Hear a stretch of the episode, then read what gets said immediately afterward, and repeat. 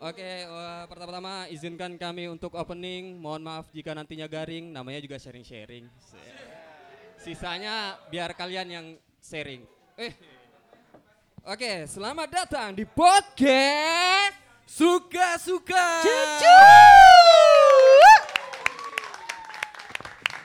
Geng, kayaknya kita mulai harus memikirkan opening yang agak gimana gitu. Kayak nggak nggak seru gitu.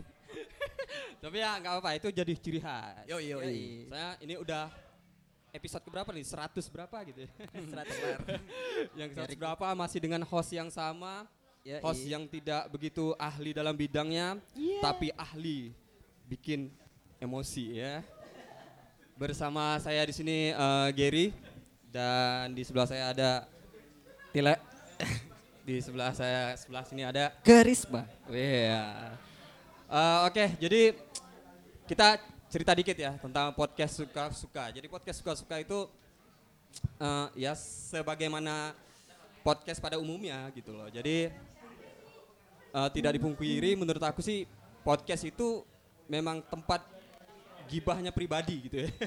jadi di sini ada ada bertiga lagi ya ma- mana ya udah jadi akhirnya karena kita punya keresahan eh, tentang isu lokal gitu. Jadi ya udah akhirnya kalau kita gibah bertiga kayaknya nggak enak nih, nggak ada efeknya. Nah akhirnya kami mulailah berpikir untuk bikin podcast biar yang lain juga bisa ikut dengar, yang lain juga bisa ikut berkomentar gitu ya, Bisa kesampaian jadinya. bisa dia kan? kesampaian dan menurut kami cara itu cukup efektif gitu loh. Pada akhirnya kami sering mendapat Eh, respon Eh, eh, dalam eh, eh. berbentuk DM kayak gitu-gitu. Eh, direspon bahwa beberapa ko- podcast kami itu ep- beberapa eh, episode itu sudah direspon gitu. Nah itu menurut kami berarti yang kami tangkap adalah bahwa kita masih care each other gitu loh. Kita masih adanya peduli akan satu sama lain gitu itu kita masih ada. Tapi yang terjadi sama ini kenapa kita geraknya masing-masing sih? Lintas komunitas kenapa bergeraknya masing-masing? Nah yang padahal itu pada podcast kami sendiri pun kami mendapat respon dari komunitas-komunitas lainnya. Jadi menurut aku itulah masih terjadinya pedulinya eh, lintas komunitas satu sama lain. Dari Tile, mau ada yang mau disampaikan? Mungkin kali ini kita mau bahas apa nih? Ya mungkin karena berkaitan tentang karena aku perhatiin di sini ada dari teman-teman fotografer, videografer, mungkin dari seni visual, dari apa lagi nih pemusik, ada yang handicraft dari Bang Habib. Nah sebenarnya kalau aku kenapa ke trigger dari sebenarnya ini jujurnya ke triggernya dari Bang Fatih. Tepuk tangan dulu untuk Bang Fatih.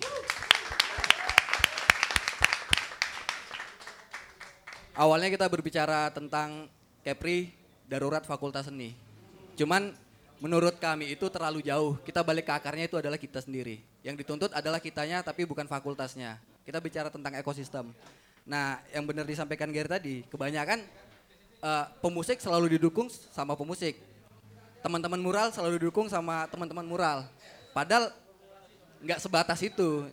Ya teman pemusik juga membutuhkan elemen seni-seni lainnya. Seperti butuh ilustrator, eh, mungkin butuh videografer. Nah di, ini yang bakal di kita Tanjung. Pinang memang ada ilustrator ada. Eh, ada terhits. Gary. No no no no. Katanya tukang gambar. Oke, eh, jadi eh, karena ini hajatannya terlahirnya dari Bang Fatih, mungkin dari Bang Fatihnya eh, bisa menyampaikan semacam apa ya keresahannya atau eh, kenapa sih berpikir bahwa kita tuh sebenarnya butuh fakultas seni yang walaupun bukan itu sebenarnya tujuan pembahasan kita gitu loh. Iya. Mungkin kita lebih ngebahas tentang ekosistem berkesenian di Tanjung Pinang karena sebenarnya orang-orang Tanjung Pinang itu senang berkesenian sebenarnya, tapi tidak tahu menempatkannya di mana, ya kan? Dan Iya, iya. tidak tahu gitu maksudnya harus dibawa ke mana, weh. Armada kan ya. Ah, Iya benar. Iya. Iya Oke, betul. jadi kita Tapi coba sebelum eh, bentar, sebelum masuk Bang Fatih mungkin di sini kita sepakatin bahwa kita di sini berdamai dengan diri sendiri. Jadi karena diskusinya suka-suka, Oke oke oke oke ya ya ya ya see, I see. Maksudnya ya kita hanya me- membahas Iya, kita di membahas- sini bukan mencari kesalahan Enggak, siapa, enggak, enggak mencari kesalahannya kesalahan. di mana, tapi kita Ah. coba tetap rule-nya pada mari kita berdamai dengan diri kita sendiri, apa yang perlu dievaluasi. Nah, mungkin Yes. kayak gitu. Oke, Oke, coba kita boleh. silakan untuk Bang Fatih untuk waktunya menjelaskan sedikit keresahannya. Iya. Dan fakta-fakta sejarah itu jangan lupa bang, ceritain bang. Fakta-fakta sejarahnya. Oke, thank you. Eh, diri kali ya. Oke, tepuk tangan dulu untuk Bang Fatih. Eh, selamat malam semua. Eh, thank you buat podcast suka-suka sama Kopsos. Tepuk tangan buat podcast suka-suka sama Kopsos. Yang dari kaos menjadi bisa ngumpulkan ini semua gitu loh. Kaosnya sih murah 80 ribu, sudah sama sablon. Serius, aku bongkar aja harganya. 80 ribu sama sablon itu. Cetaknya di di Pemuda, di Sablon Bintan. Ah, promo juga kan? Ah, tapi ternyata saya kira itu ternyata menjadi milik kita semua. Bunyinya ya, jangan kaosnya, XXL soalnya. Jadi bunyi di kaosnya itu menjadi milik kita semua, bukan milik saya saja. Kalau mau dicetak lebih banyak silahkan. Kalau mau ada fontnya juga di situ, Roboto Condense Bolt. Kalau mau dibikin sama Gary. Nah, eh, thank you teman-teman semua. Saya selalu berpikir andai kata Rian Saputra yang kemarin baru rilis album Malam Minggu ya adalah lulusan Fakultas Seni di Kepulauan Riau. Bayangan saya. Tapi ternyata Rian adalah sarjana di Fakultas Perikanan. Memang eh, seni atau seniman tidak dilahirkan oleh Fakultas Seni. Totally agree. Saya juga bukan jurusan seni juga, tetapi ketika main ke Jakarta, Yogyakarta, keberadaan fakultas seni atau institut seni atau apa pun lembaganya ikut mendukung ekosistemnya terjalin. Ya, jadi yang ingin mungkin bahasanya sangat sederhana fakultas seni, fakultas seni, tapi bukan itu sebetulnya. Yang yang ingin kita tumbuhkan dari fakultas seni itu adalah efeknya, yaitu ekosistemnya yang terjalin. Nah, perjumpaan saya dengan Tile dan teman-teman dari podcast suka-suka ini mendiskusikan itu dan pada mulanya yang awal kita mau record sendiri, kita bawa ke panggung ini dan teman-teman yang hadir sini membuktikan bahwa ternyata ya kita semua merasakan itu gitu loh. Yang musik, anak musik sendiri. Emang kalian jago gambar? Kan gitu pertanyaannya. Yang nulis nulis sendiri, baca puisi sendiri. Emang enak baca puisi nggak pakai musik? Ya. Yang ilustrator sendiri semua. Ya biarin aja. Kalau butuh Followernya banyak. Spotify ada, Pak. Nah, itu yang kemudian akhirnya eh, menjadi bibit dari diskusi ini. Saya berharap teman-teman semua bisa ikut ambil bicara pada forum yang eh, langka ya. Saya kira langka ya. Saya biasanya duduk sama teman-teman yang nulis puisi. Hari ini duduk duduk sama teman-teman yang saya sendiri tidak kenal secara pribadi tapi punya eh, pemikiran yang sama ternyata. Pemikiran tidak pernah dapat dibendung oleh senjata apa pun. Ya. Karena pemikiran inilah yang membuat kita bisa sampai di sini. Jadi teman-teman thank you semua dan mari kita berdiskusi bersama-sama di sini. Siapa saja boleh bicara, siapa saja boleh ambil bagian. Thank you. Oke, itu tadi pembukaan dari Tepuk tangan untuk Bang Fatih. Bang Fatih. Makasih Bang Fatih. Jadi eh, di diskusi ini tuh kita sangat amat bebas eh, berbicara, tapi masih dalam relate dengan apa yang akan kita bahas. Jadi mungkin kalau misalnya ada teman-teman yang ingin menyampaikan eh, eh, pendapatnya, boleh acungkan tangan nanti kita kasih mic untuk berbicara. Oke, eh, yang pertama kali mau kita bahas itu apa sih efek dari seorang pelaku seni yang tidak tahu ke mana harus mendapatkan pendidikan seni itu sen- sendiri. Ke- se- sebagai contoh tadi kayak Bang Rian yang sudah berkesenian, berkarya, tapi betapa kagetnya kita bahwa beliau itu seorang jurusan apa tadi? Fakultas perikanan gitu loh. Sebenarnya something yang benar-benar punya gap yang jauh cuma tapi kok bisa hidup berkesenian ini kok bisa hidup. Nah, berarti kan di, di Tanjung Pinang sendiri itu ada ekosistemnya. Nah, yang ingin kita bahas untuk yang pertama ini bagaimana kita berkesenian tanpa mendapatkan pendidikan langsung dari dunia pendidikan seni gitu loh maksudnya. Nah, kalau dari kebetulan nih Tile Tile juga berkesenian, dia mural, mural artis, wih. Yoi. Dan dia berkesenian ya udah jalan gitu aja tanpa ada pendidikan basic apa pun yang dia tahu hanya ya menggambar gitu. Betul. Nah, coret-coretan aja gitu maksudnya. Mungkin aku sebagian kecil nih dari teman-teman yang mungkin bercita-cita pengen kuliah di bidang seni. Aku ya cita-cita pengen di desain interior. Tapi bukan jadi suatu kendala bahwa kita juga bisa berproses. Yes. Nah, tapi ada juga problem yang menurut aku teman-teman yang memang sudah lulus di eh, jurusan atau akademis kesenian, pas balik ke Pinang itu pada kebingungan. Nah, nih contoh kayak ada Bang Godek, ada Mbak Dila, IKJ perfilman, sekarang tes CPNS.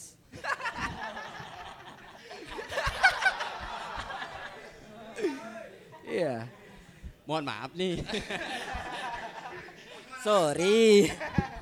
tes tes CPNS nah itu salah satu contohnya mungkin banyak teman-teman ada eh, kita kita kan tidak menghakimi. Ada juga teman-teman yang akhirnya kerja di di mungkin di swasta atau mungkin di pemerintahan itu karena kita nggak dapat nggak dapat industri keseniannya. Kita harus ke mana gitu. Kita nggak dapat pasarnya gitu. Dan ini harus didukung dengan ekosistem yang baik. Baik dari korporasi dari birokrasi mungkin dari masyarakatnya dari segala elemen yang kita butuhkan. Nah mungkin Nah di sini kita bercerita apa sih keresahan kita, apa sih kayak hambatan-hambatan kita. Bahkan bukan hanya sebuah lingkungan itu yang mendukung kita atau yang membatasin kita, bahkan kita sama kita sendiri juga saling membatasi dengan hal-hal yang konservatif. Ya contoh senioritas, contoh kayak engkau main seni ini salah nih, pakemnya harusnya begini. Nah itu juga menurut aku problem-problem yang dipinang. Wanjay.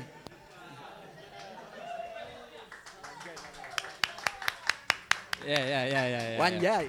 Eh ini sebenarnya bukan podcast, ini aku buat persiapan 2024 nanti. Ya, oh, ya, ya. Wanjay. Oh ya browniesnya jangan lupa, yang lapar dibeli. nah itu itu keresahan dari aku. Cuman eh, PR-nya juga ketika kita sudah terjun di dunia seni, sudah berproses, kita coba sudah mengedukasi diri. PR-nya lagi adalah kita mengedukasi orang-orang. Kadang apa yang kita sajikan nggak sampai. Ya contoh kayak karisma tadi. Ini apaan coba nih? Nggak ngerti apa. LSD dikasih baru enak kali.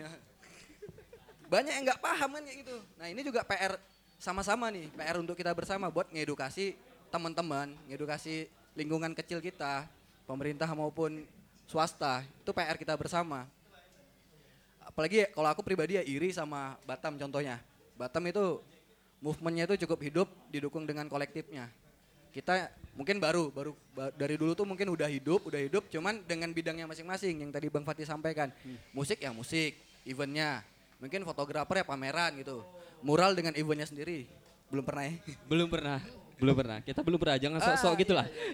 Jangan sok-sok pernah bikin acara murah lah. Malu-maluin tau. kita sebidang tapi event yang sukses malah podcast iya juga. Iya. Karena mungkin gibah yang paling gampang keterima orang. iyo iyo iyo kegiatan. ya ini salah satu pendukung mungkin eh, ruang-ruang kecil ruang alternatif yang kita sajikan ke teman-teman bukan ngebatasin maksudnya bahwa ada hal-hal lain teman-teman lain juga mendukung kita. Ini aku berterima kasih kali sama MDC yang mau memfasilitasi screen infokus free. Gemini pun begitu pula dan Kopsos menyediakan ruang-ruang alternatif. Bahwa orang-orang seperti kita ada yang mendukung cuman kita aja nggak kedeteksi. Mungkin itu sih keresahan dari aku. Mungkin dari Karisma nih ini musisi nih. Oke, ini Mungkin kalau kalau dari aku eh, sebagai pelaku musik ya, tukang tukang bunyi-bunyian eh, lebih kepada orientasi kawan-kawan tuh dalam berkarya. Eh, dalam artian gini, mungkin eh, bentuk-bentuk dari musik itu sendiri juga kan bisa didengar orang, cuman kenapa harus eh, selalu dengan coveran? Nah kayak kayak Oke. gitu. Oh ya, nah terus seberapa orientasinya seberapa Anda- kreatif anda, proses cover lagu. Anda lagi ngomongin Tami Aulia ya? Siapa itu tadi Aulia?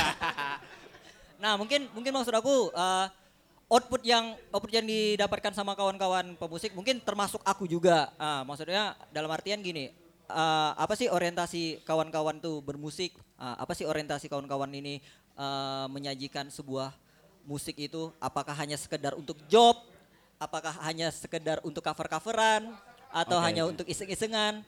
Nah, di sini aku selama selama di sini juga nggak pernah lihat eh, mungkin ada beberapa teman yang yang eh, aku lihat yang punya karyanya. Cuman untuk sampai ke dek- ke deteksi ke ke kita kitanya nih masih kurang. Nah, apa sih penyebabnya? Nah, menurut aku sih lebih ke situ.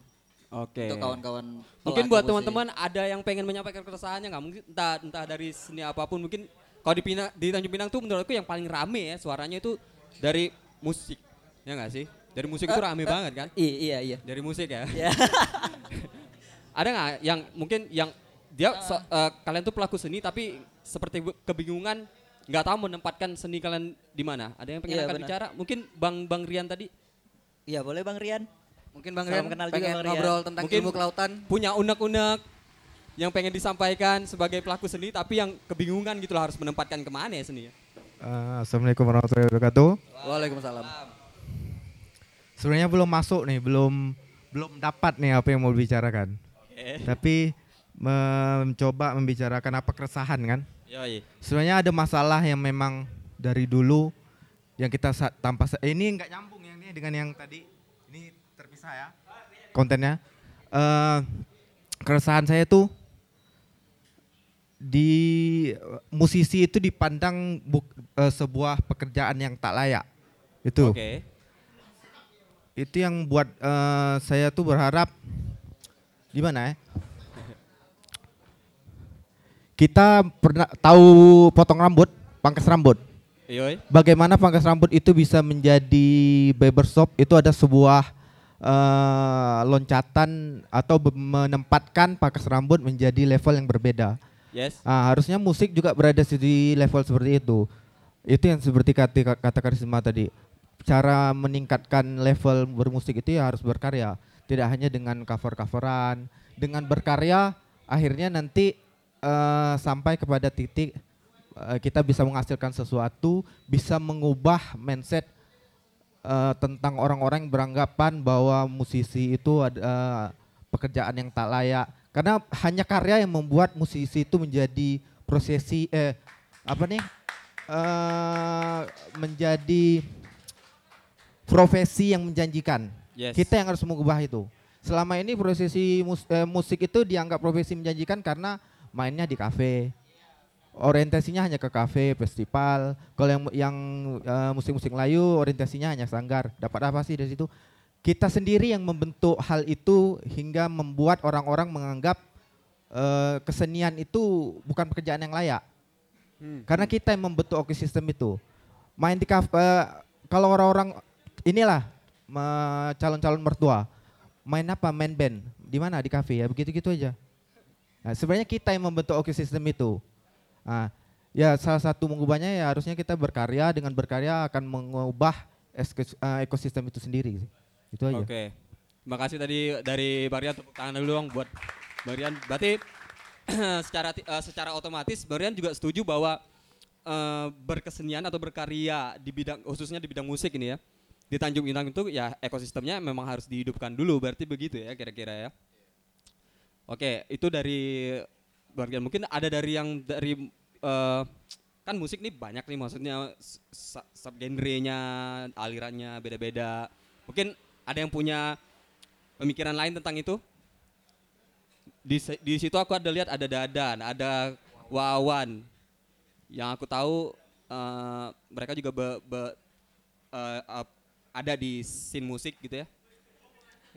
Mungkin boleh. Mungkin Dadan, Dadan, atau Wawan, Wawan. pengen menyampaikan dari ini dari scene yang sedikit berbeda nih jalurnya gitu ya. Yes. Nggak apa-apa, ngomong apa-apa. aja. Di sini kan kita suka-suka. Iya. Ah, Nggak ada yang baper-baperan kok di sini.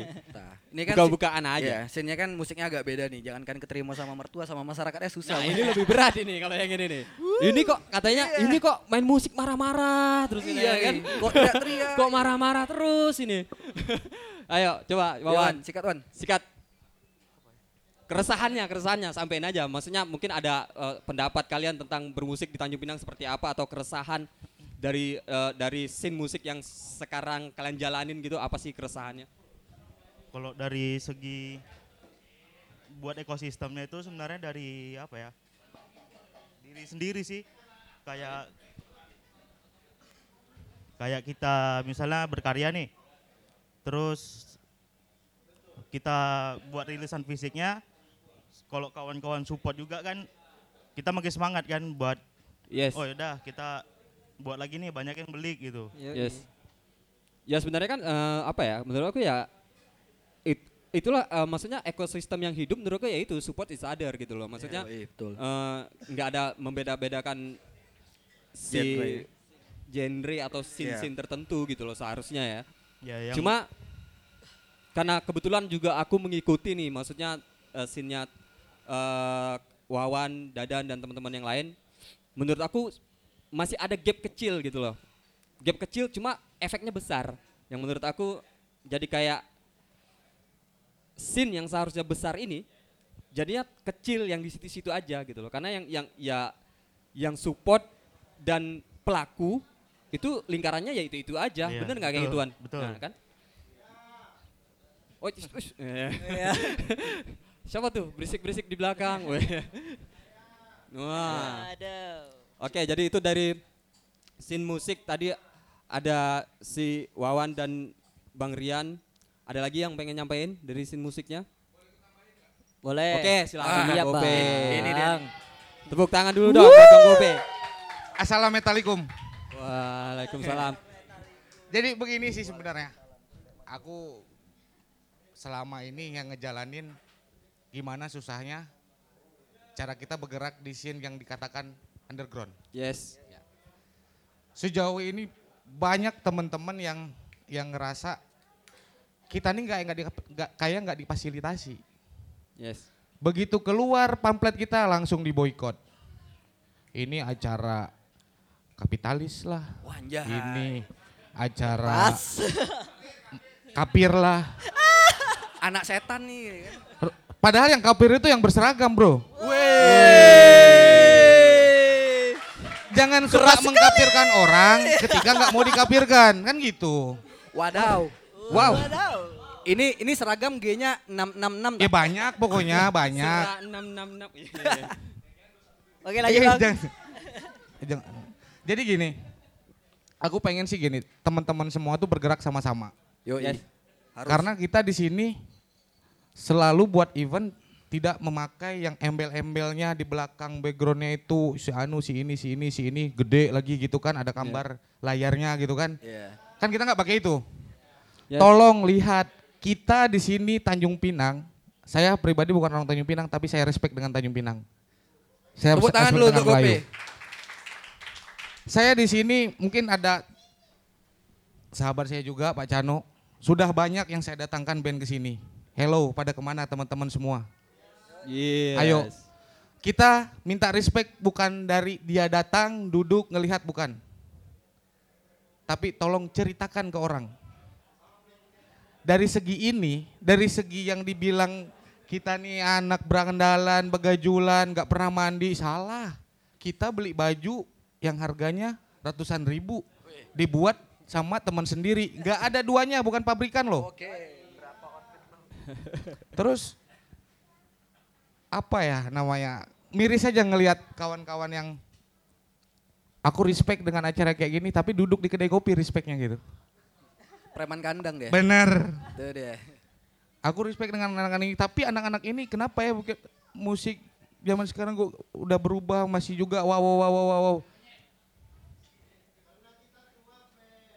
Heh, kita ini bukan kita ini ya yang duduk di sini mungkin nantinya bakal bercerita sama anaknya. Ya, nah, iya. bapak dulu pernah duduk sini ceritanya lain-lain anak-anak ini katanya. Eh, Jadi sebenarnya generasi menolak tua sih intinya. Yoi. Jangan jadi tua yang menyebalkan. Siap. Iya. Tepuk tangan lu.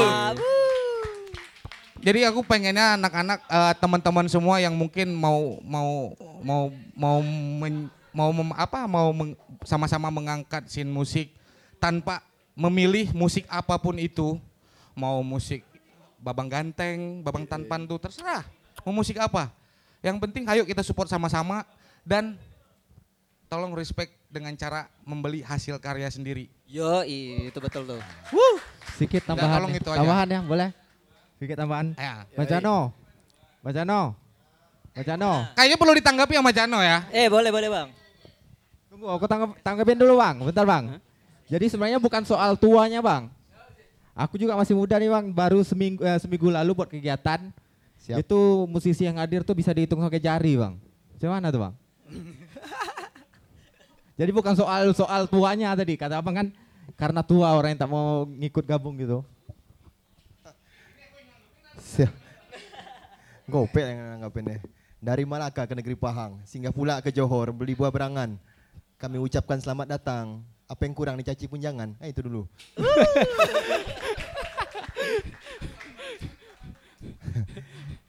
Udah terpancut tak bisa cakap. Itu aja. Gimana ya?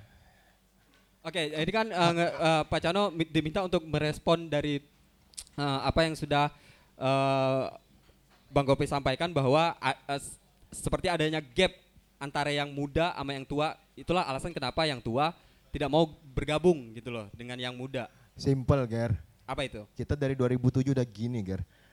Artinya sederhananya karena kurangnya forum-forum seperti ini gitu loh. Yoi. Eh ngapain juga saya datang ke sini kalau nggak kayak begini kan? Yoi, Yes, yoi, respect, respect. sekali. This is the point. Yeah, that's the point, man. This is simple. Waduh. Justru ya. Pengennya sih bang. Enggak lah, jadi enggak lah. Itulah makanya.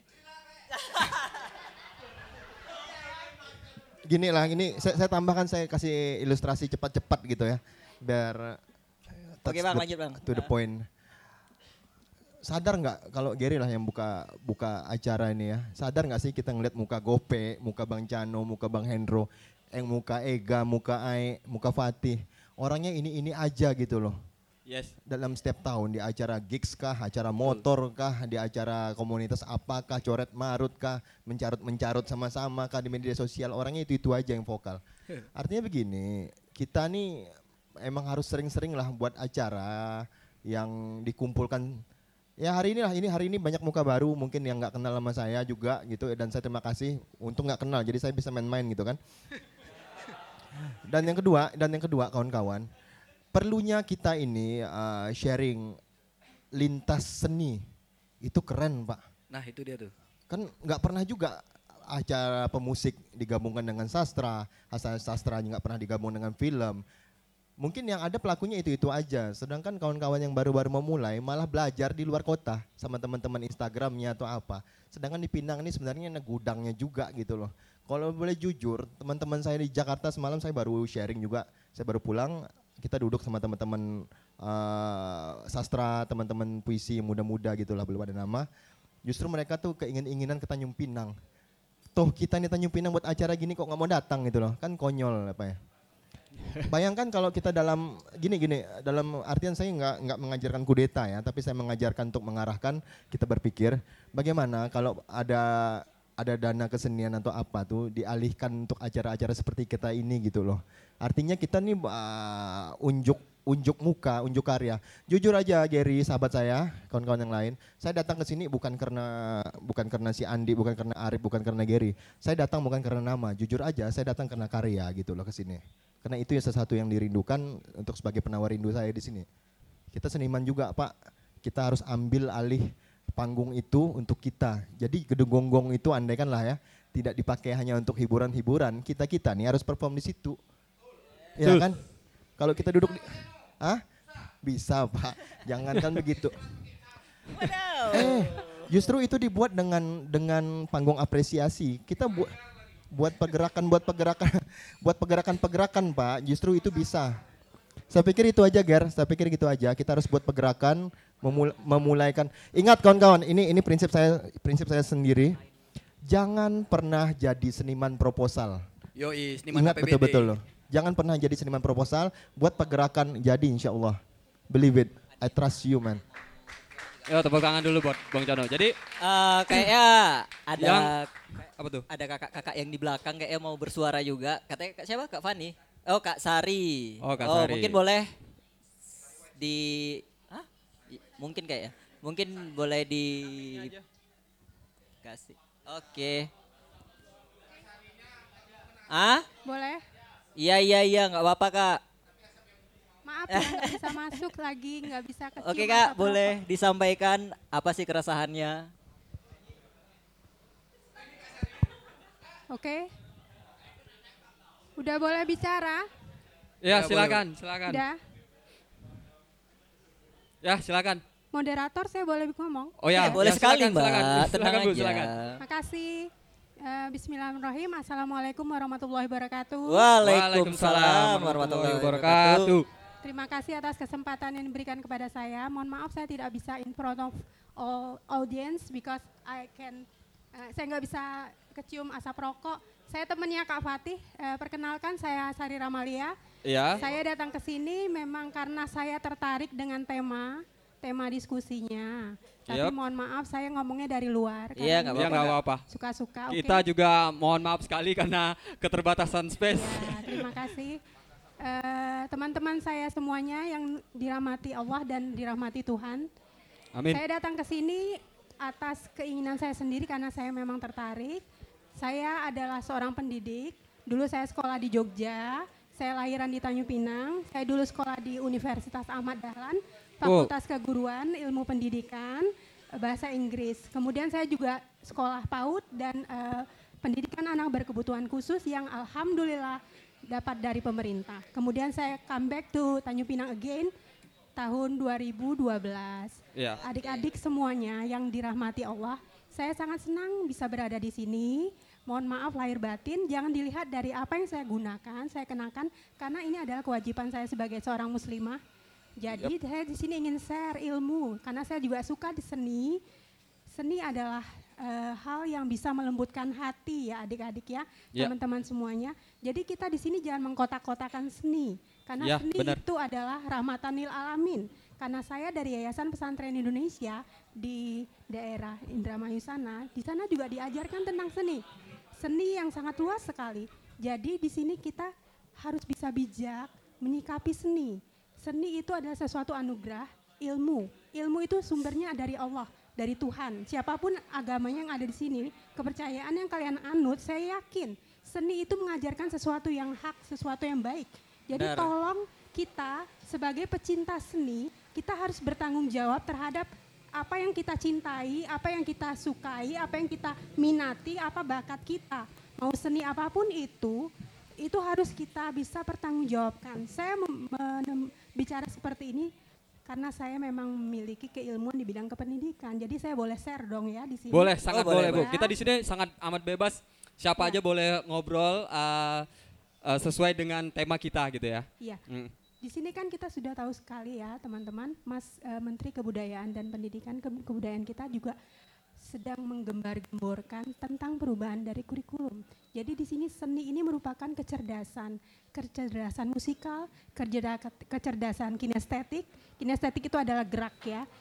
Seperti seni tari dan lain sebagainya itu merupakan salah satu dari kecerdasan dari seni itu sendiri yang sangat luas. Jadi mohon maaf lahir batin jika saya boleh eh, share pendapat dan share eh, pengalaman saya di sini. Kita apa pun kita kesenian yang kita geluti, kita tolong pertanggungjawabkan kepada Tuhan apa pun kepercayaan kita. Ya. Itu aja. Jangan sampai seni itu identik dalam tanda kutip hal-hal yang tidak baik.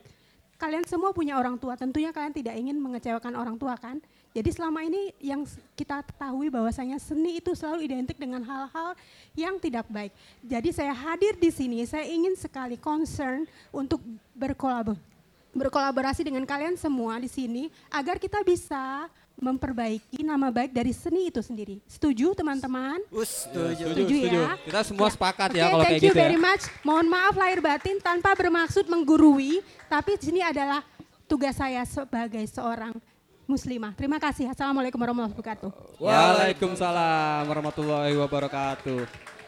Ya kalau da- dipetik dari uh, poinnya Ibu tadi, saya rasa semuanya pasti setuju gitu ya bahwa uh, kita boleh-boleh saja dan sah-sah saja berkesenian asalkan itu dipertanggungjawabkan entah dari aspek apa pun gitu loh, entah dari karyanya sendiri atau uh, dari uh, aspek spiritualnya gitu ya, pertanggungjawaban kepada lingkungan mungkin.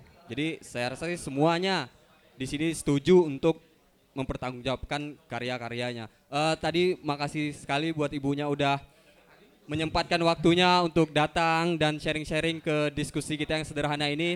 Karena jujur saja kami sendiri kaget bu, karena selama ini yang terjadi itu eh, setiap kami bikin acara kayak gini ya hanya sekitaran teman dan nggak nyangka juga bakal hadir so- eh, seseorang seperti ibu gitu yang eh, yang bisa kita bukan bukan dalam artian menuakan maksudnya kayak setidaknya lebih wise daripada kita yang muda bener nggak sih? Ya nggak? Lebih bijak gitu loh. Jadi terima kasih sekali buat ibu yang udah hadir memberikan masukannya. Dan ada lagi buat teman-teman yang lain? Oh silakan. Ini ada yang mau ngomong? Yang di depan? Ah, yang tua kalah. Oh ya. yang yang tua ngalah dulu ya. Eh silakan. Oke, eh, assalamualaikum warahmatullahi wabarakatuh. Waalaikumsalam. Em, perkenalkan dulu ya, eh, nama aku Babas. Em, di sini eh, aku seorang penulis juga ataupun bisa dikatakan lebih senang dikatakan sebagai seniman. Dan alasan kenapa aku eh, pengen datang sini karena mungkin keresahan kita sama. Podcast Yes. suka-suka eh, mungkin dengan isu-isu lokal tertarik dan kebetulan saya juga podcaster di Spotify. Wis. Jadi buat yang like, mau dengar ada di Diary. Podcast.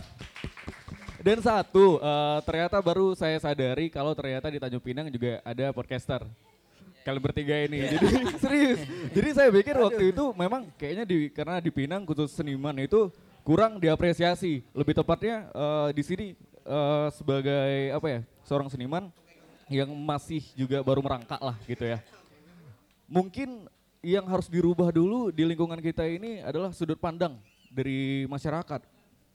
Karena pengalaman memang eh, dari bahkan teman sendiri pun belum tentu teman dekat pun itu belum tentu bisa mensupport kita. Yes, Dalam betul. artian ketika kita eh, sedang berpro, apa proses berkarya eh, mereka selalu kayak apa sih gitu eh, udahlah nggak bakal jadi apa-apa kalau misalnya jadi seniman ataupun yang eh, kita punya passion yang berbeda dari banyak orang itu mereka kurang mendukung dan kebanyakan dari sini juga kebanyakan dari mereka bahkan nih eh, yang aku lihat di Tanjung Pinang ini banyak sekali eh, anak-anak muda berbakat banyak. Tapi eh, mereka terhalang karena eh, sudut pandang yang lain. Ih apa sih? Iko gitu? Dan bahkan aku juga mungkin sebagai penulis rumah eh, alhamdulillah memang udah punya buku juga. Eh, karena selama ini aku berproses untuk menulis itu sendiri. Sendiri. Ya tulisan hujan. Thank you bang Eh, aku berproses itu sendiri karena aku menyadari kalau memang ketika kita sedang berproses untuk membuat karya itu penuh cacian dan belum tentu semua itu mensupport.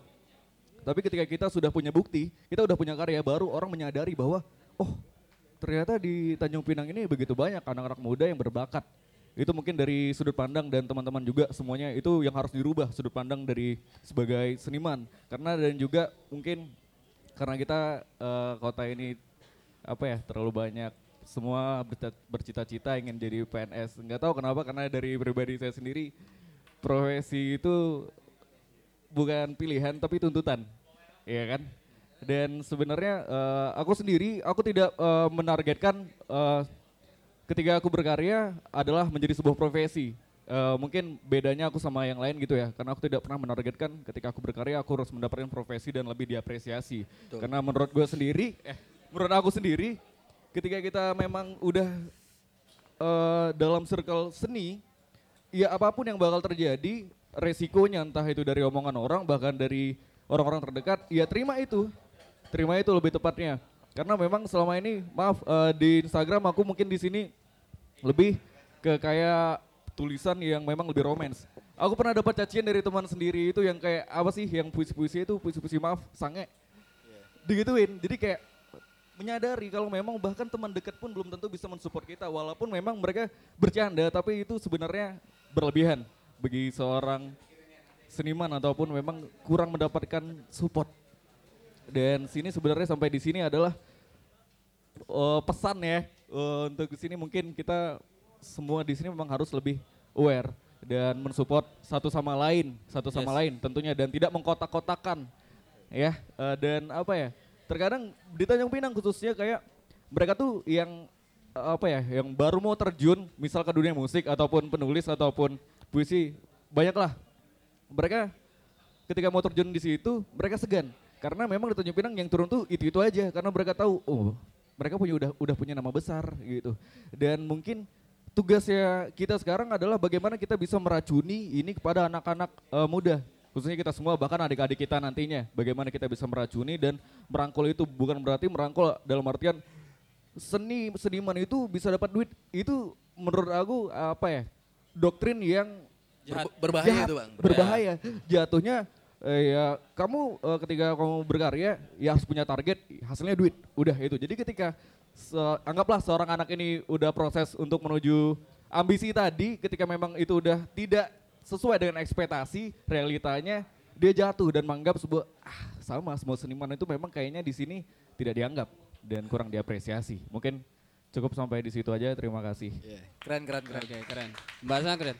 Eh, makasih tadi buat Bagas. Jadi sebenarnya sih eh, keresahannya Bagas semuanya kita rasain gitu loh. Maksudnya kita kita sadar akan hal itu. Sebenarnya kalau sama kayak aku pribadi gitu, tapi bedanya aku bukan seniman gitu. Aku pekerja seni. bedanya itu. Kita tuh sama-sama merasakan kesepian sebenarnya. Walaupun kita punya pasangan entah siapa teman-teman yang rame, tapi sebenarnya kita tuh merasakan kesepian. Nah, apa yang menyebabkan kesepian itu? Yaitu tadi tidak dianggapnya kita. Terus ki- kita tidak punya teman buat sharing. Nah, sebenarnya kita nah kayak sekarang sebenarnya kita punya, tapi itu tadi karena kita sebenarnya dari dari diri kita masing-masing itu saling saling menutup diri buat saling sharing sebenarnya. Nah, eh kayak aku sama Tile dan kenapa aku bisa begitu intens akhirnya ngobrol sama Bang Fatih, sama Pak Cano, sama ini eh, apa bisa bikin ilustrasi yang yang gimana gitu. Begitu juga dengan eh, foto fotografi gitu ya. Jadi kita kayak kalau ngobrol tuh jadi malahan lebih intens ngobrol di lintas eh, seni. yang berbeda ketimbang kayak aku ngobrol sama Lilit di, di lintas ilu- ilustrasi yang sama maksudnya seni yang sama ilustrasi itu tadi gitu loh. Nah, jadinya lebih lebih intens bahkan bahkan banyak hal-hal baru yang bisa kita buat gitu loh, yang terpikir ada ide-ide baru gitu loh. Nah, cuma yang terjadi sampai detik ini sekarang ini yang terjadi itu kita mageran, mageran dalam arti males mau gerak kayak pengen sharing sama sama sama, sama ini eh tapi ntar deh males. Besok-besok aja deh. Nah, gitu-gitu. Nah, itulah kenapa itu salah satu eh, ide kenapa kami bikin per- eh, forum seperti ini gitu. Yoi. Pengen ngedenger aja gitu maksudnya kita tuh punya keresahan yang sama sebenarnya. Kenapa nggak nggak nggak ditumpahin aja sekalian bareng-bareng kayak gitu sih. Dari Bang Fatih juga ada mau menyampaikan. Nggak, eh, teman-teman izin aku mau manggil Ketua Dewan Kesenian Kepulauan Riau Oh. yang nggak diundang, Oke. cuma saya tag aja dan mau datang. Abang Oh, Helmi, Yo, apresiasi dulu. Kasih tepuk tangan dulu dong. beliau ini nggak saya undang, nggak saya japri, saya cuma tag di Facebooknya. Apakah beliau mau datang ya terserah, tidak datang Iya. pilihan dia. Tapi ternyata beliau di depan. Boleh ke Alhamdulillah. Bang Helmi? Wuh, kasih tepuk tangan dulu dong. Tepuk Wah, tangan, ini tepuk tangan. Segan, segan, segan ya. Ya kan? Udah mau datang. Jangan Bang Helmi. Kenapa kau datang? Ya, saya cuma ngetek doang loh Bang Helmi. Kenapa mau datang? Saya cuma ngetek doang. Bang Helmi boleh kenalin ke teman-teman ini semua.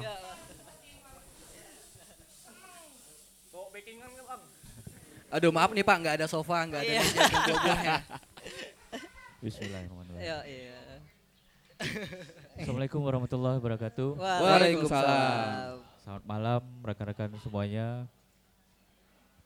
Saya membaca di Facebook hati saya bersemangat karena waktu pas malam minggu kemarin peluncuran eh, album Rian Saputra di Gonggong itu di sela-sela diskusi kita dengan Pati saya menyampaikan kekurangan di kita ini kelemahannya kita jarang diskusi. Kita mungkin lebih banyak diskusi di dunia medsos ya. Tapi dunia nyatanya kurang. Nah, jadi saya nyampaikan dengan Pati diskusi-diskusi di dunia nyata ini memang harus kita rutinkan. Jadi biar bisa kita interaksi, kita bisa tukar pikiran, kita bisa apa eh, saling kalau mana yang punya ilmunya lebih, disiplin ilmunya lebih, kita bisa berbagi. Kemudian apa keluhan-keluhan kita bersama mungkin kita bisa sampaikan, kita bisa diskusikan. Eh, di sini kami Dewan Kesenian, tupoksi kami adalah bersama-sama pemerintah itu menentukan kemajuan kesenian, peningkatan kesenian. Seperti apa ke depan, nah itu kita ada di situ.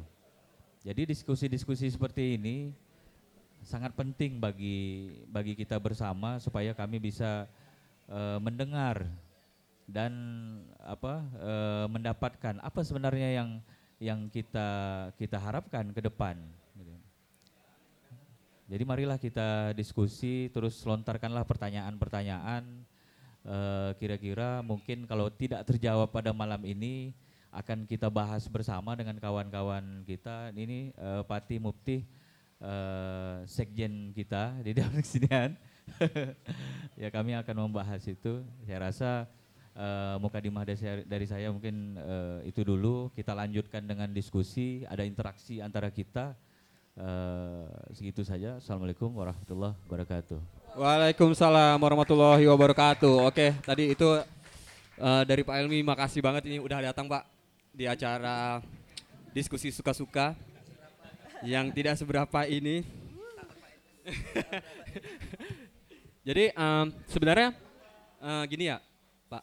Em, sebenarnya diskusi semacam ini antara pelaku seni waktu itu tapi tidak semuanya kebetulan tidak semuanya yang hadir Eh, khususnya ini di, ba- di bagian seni rupa sebenarnya diskusi antara kami dengan Dewan Kesenian itu pernah terjadi dan itu sangat intens sekali. Iya. sangat intens. Kita sempat berdiskusi beber- beberapa hal di sana. Waktu itu masih ada komunitas masih ingat nggak ya? Komunitas apa itu? Coret marut itu? Saya nggak tahu Ca- itu. Carut marut apa itu komunitas komunitas apa itu? Nggak tahu. Jadi pernah ya pernah berdiskusi eh, dan menurut kami juga apa ya mungkin ya bukan berarti kami menyamakan nih. Maksudnya menyamakan ya, hal yang kemarin dengan yang hal yang baru cuma yang kami dapatkan tetap aja tidak adanya solusi untuk pemecahan tentang berkesenian khususnya di Tanjung Pinang gitu Iya. yang kami dapatkan itu hanya apa ya Gombalan kali ya. lebih lebih tepatnya gombalan, Gombalan, ya. dan eh, apa ya biro penjelasan birokrasi dalam eh, berkesenian yang kami dapatkan gitu jadi bukan semacam nah yang kami harapkan sekarang itu ya syukurnya Pak Helmi sendiri sudah membuka itu um- membuka diri untuk berdiskusi dengan pelaku-pelaku seni yang ada dari Tanjung Pinang jadi terima kasih kali eh, sekali untuk hal itu semoga eh, kali ini diskusinya itu bisa apa ya lebih, lebih membawa solusi gitu loh yang kami harapkan. Bang Fatih jangan nunduk-nunduk bang, Anda jangan nunduk-nunduk. Iya. Tereksekusi dia. Ka- ka- ka- ka- kami lagi ngobrolin Anda ini loh. ya, ta- tapi tapi teman-teman bukan berarti kita harus gini. Menutup. Nah itu penyakit penyakitnya kita di, di lokalan yang sering kita dapatin. Kita semacam ketika kita tidak punya wadah untuk berkesenian, sering masih sangat sering amat terdengar kita menyalahkan satu pihak. Yoi. Kita nggak perlu sebut pihaknya siapa, tapi selalu kita salahkan. Bener nggak? Kerasa nggak masih sampai sekarang? Ah si ini nggak dukung, si ini nggak dukung, selalu begitu. Nah yang padahal ya berkarya nggak harus disediain stage gitu loh, nggak harus disediain fas- sebuah fasilitas gitu loh. Berfas- berkarya ya di, di, di mana aja bisa berkarya sebenarnya. Nah, eh menurut aku tuh kenapa nggak dari kita aja sih yang berkarya, sisanya biar orang-orang seperti Dewan Kesenian mungkin yang melirik, yang akhirnya bisa melirik. Nah sekarang kalau kita nggak kita nggak berkarya, kita nggak ngelakukan apa-apa, di mana mereka mau ngelirik gitu loh, di mana mereka mau mencari. Betul. Betul. Betul. Kan gitu logikanya. Istilahnya ya ibaratkannya kalian kalian misalnya jualan gitu, tapi kalian nggak nampilin jualan kalian. Ya gimana penjual mau ngelihat apa yang kalian jual kan gitu logikanya sih sebenarnya. Logika, logika simpelnya kayak gitu kan. Benar benar. Nah jadi kenapa nggak nggak dari kita aja sih yang yang coba aja terus aja berkarya gitu loh. Nah sisanya mungkin ya dari Dewan Kesenian atau Iya. ataupun eh, dinas-dinas lain mungkin Iya, ya pemerintah lah. Yang yang yang yang akhirnya bisa melirik dan membuka diri nih untuk support. Nah, yang sebenarnya kan sebenarnya sama itu yang jadi pertanyaan gini. Mereka yang tidak mau support atau kita yang tidak nongol? Sebenarnya kan itu jadi pertanyaan seharusnya. Betul. Iya nggak? Betul. Apakah kita ti- mereka tidak support atau mereka nggak tahu sebenarnya bahwa sebenarnya ada gitu. Tapi kalau dibilang nggak tahu juga ada, gitu loh. Selama ini ya banyak acara-acara kesenian. Kayak Bang Gopi tadi, lu ke mana aja gitu. Apa tuh? Banyak ya, banyak. ya banyak. Oke, jadi eh, mungkin kalau teman-teman yang punya sesuatu yang pengen disampaikan mungkin, oke Pak silakan. Sabar gak? Tadi yang muda Oh, dulu, sebentar. sekarang yang tua dulu. Ya. Yang muda Iya, dulu iya, kalah. iya, iya, Yang bentar dulu. Kak. Bentar dulu, Kak. Assalamualaikum warahmatullahi wabarakatuh. Waalaikumsalam. Selamat malam teman-teman. Eh, perkenalkan nama saya Ato, saya penjual sedotan. Dulu saya buat sedotan bambu, sekarang saya buat sedotan resam. Iklan sebentar nggak apa-apa ya bang ya? Eh bener Bang. Yap. Jadi kalau saya simak pembicaraan teman-teman dari tadi itu bicara tentang nilai, nilai dan harga. Harga diri, nilai diri. Itu yang saya simak dari tadi. Tapi sebenarnya di saat kita berbuat, seharusnya kita sudah menerjemahkan. Kita mau yang mana satu? Apakah kita butuh respect, dihargai, dalam artian orang ketemu kita hormat, atau kita butuh duit? Tolong itu diperjelas dulu kalau mau berkarya. Kalau nggak jelas, ya karyanya nggak akan jelas. Kalau kita mau dihargai karya kita dengan uang, ya dipercantiklah, diperindah, survei, tengok selera pasar. Kalau sedotan bambu orang make dua tiga kali dibuang, cari yang lain, pakai resam, ya kan? Wih, Aten, masuk. Masuk. Masuk. Itu masuk. Nah, Oke, lanjut. Kak. Tapi, tetapi sedotan bambu cara buatnya dua hari selesai, ketahuan caranya. Sedotan resam satu bulan baru ketahuan caranya. Nah itulah perjalanan. Teman-teman juga harus memahami bahwa berproses itu memang nggak gampang gitu loh. Tapi tolong diperjelas yang tadi saya bilang. Mau dihargai di dalam artian orang respect sama kita atau mau dihargai dalam angka. Tolong diperjelas kalau berkarya. Ya, baru nanti karyanya akan sesuai dengan target. Kalau targetnya pasar orang dengerin enak apa semua, dilihat enak sama orang, ya sesuaikan dengan selera pasar. Tetapi kalau kita hanya ingin dihargai dengan karya kita, mencari kepuasan diri sendiri, orang nggak mau beli, jangan marah. Ya kan? Kalau memang mencari kepuasan diri sendiri, bermusik, main sendirian, orang nggak mau dengar, jangan marah. Kalau bermain untuk kepuasan, pemerintah nggak mau support, jangan marah. Bener nggak? Setuju nggak? Ya kayak gitu seharusnya. Tolong perjelas dari awal. Nah sekarang saya, ya eh, boleh saya sharing penil, eh, pemahaman saya tentang nilai diri tadi ya? Boleh, Mas. Oke, sekarang aset terbesar manusia adalah diri mereka sendiri. Bukan mobil, bukan motor, tapi manusia itu sendiri. Tetapi banyak manusia yang cepat mateng. Banyak orang yang nggak paham setelah mateng apa? Buah.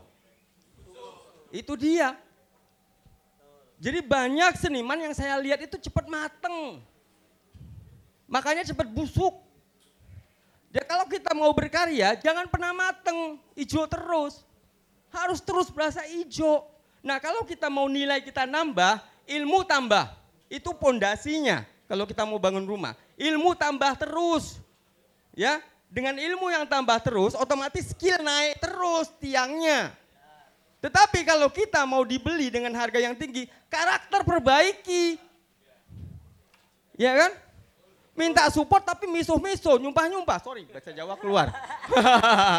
Ya rapopo, Ya kan? Mas. saya marah memang, saya marah ini. Ya kan? Nggak disupport marah-marah. Bener, Bang. Maki-maki, siapa yang mau support kalau orang maki-maki? Bahasanya yang bener kalau minta support kan gitu. Ya kan? Yo. Ya ini guru saya ada di sini. Jadi situ. ya, jadi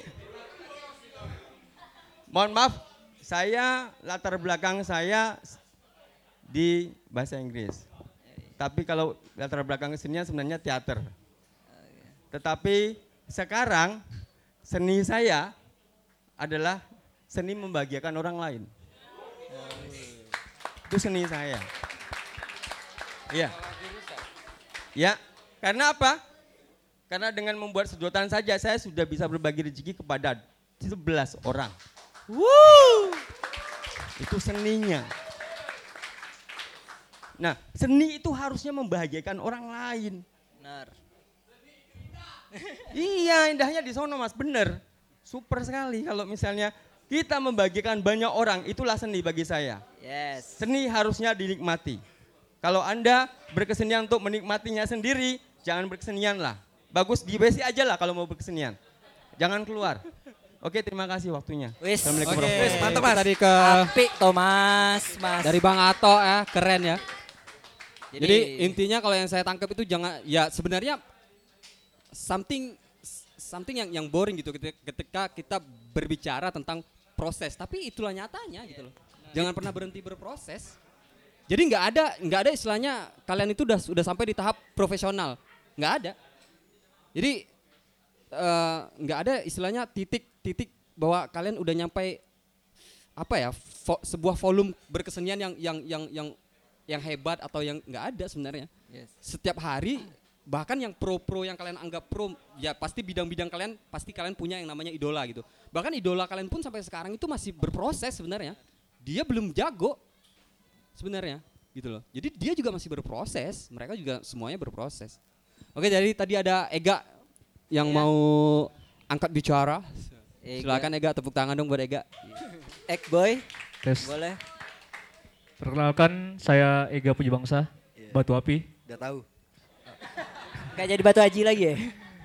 Kebetulan saya di, be- di posisi di bidang mural, eh, street art, graffiti dan lain-lain. Yang coret-coret tembok di jalan saya. Jadi saya punya banyak banyak sekali apa? Banyak sekali pertentangan di Tanjung Pinang ini khususnya. Tentang karya apa yang saya sampaikan di jalan dan segala macamnya. Dan banyak cerita tentang perjalanan kita dari mulai kita turun di jalan, menggambar di jalan dan segala macamnya yang kita nggak pernah dipandang dan segala macamnya itu cerita prosesnya sampai sekarang. Nah, gini, yang perlu kita tahu, yang perlu kita tahu di Tanjung Pinang ini, nyatanya, nyatanya, ekosistem, ini kita balik lagi ke darurat tema yang hari ini kita Iya, angkat ya. benar. Darurat eh, tempat bermain dan berkarya gitu ya. Nah, ya emang benar gitu, maksudnya emang kita nggak pernah ada sampai bahkan sampai saat ini pun kita masih menunggu, menunggu dan menunggu orang membuat event, orang membuat satu kegiatan dan segala macamnya sampai ini terjadi. Benar. Kita harus sepakat bahwa kalau misalnya bilang, oh ya benar ini eh, yang harus dilakuin itu bikin ekosistemnya, bikin ininya. Tapi sampai saat ini kita menunggu sampai ini terjadi. Dan gimana ya? Eh, memang memang udah terbatas sekali. Kita nggak ada menciptakan sesuatu yang baru. Kita nggak nggak ada menciptakan satu tempat, satu wadah, satu tempat berkarya yang yang isinya itu segala seniman. Nah di sini banyak sekali eh, kayak cerita-cerita tentang pertanyaan-pertanyaan dari teman-teman gitu kan. Ya di mana fungsi Dewan Kesenian misalnya. Nah sampai saat ini kita juga mempertanyakan itu. Seperti apa sih peran pemerintah terhadap kesenian? Di mana sih tempat wadah kita buat ini? Nah mungkin aku rasa ini pertanyaan ke Pak Helmi. Pak Elmi. Dewan Kesenian sendiri biar bisa dijawab. Kalau misalnya kita angkat lagi satu satu hal sih yang yang yang saya melihat dari segi sudut pandang musik aja, musik satu aja, musik. Eh, kita sudah terbiasa dari zaman dulu sampai zaman sekarang ini, zaman yang yang sudah mungkin kompetisinya bukan hanya di festival lagi. Kita salah mengartikan judul acara yang berefek pada judul acara festival musik Kepri misalnya. Festival itu sendiri dalam arti kamus besar bahasa Indonesia itu artinya eh, perayaan suatu pesta, perayaan besar. Nah, kenapa di Tanjung Pinang sendiri atau di Kepulauan Kepulauan Riau sendiri itu menjadi suatu pertandingan, Iya, jadi suatu kompetisi. jadi ajang kompetisi. Nah, di sini, di sini letak apa ya efek kalau kita bicara soal sejarah dan perjalanan ekosistem seni di Tanjung Pinang ini sendiri. Dan itu yang menjadi apa ya? Yang menjadi mindset kita eh, anak-anak mudanya sendiri bahwa acara kesenian ya kompetisi, kompetisi dan kompetisi. Dan dan salah lebih salahnya lagi banyak apa seniman-seniman yang memang sudah berkarya yang sudah lama eh, memang dicari diincarnya itu, memang diincarnya festival itu.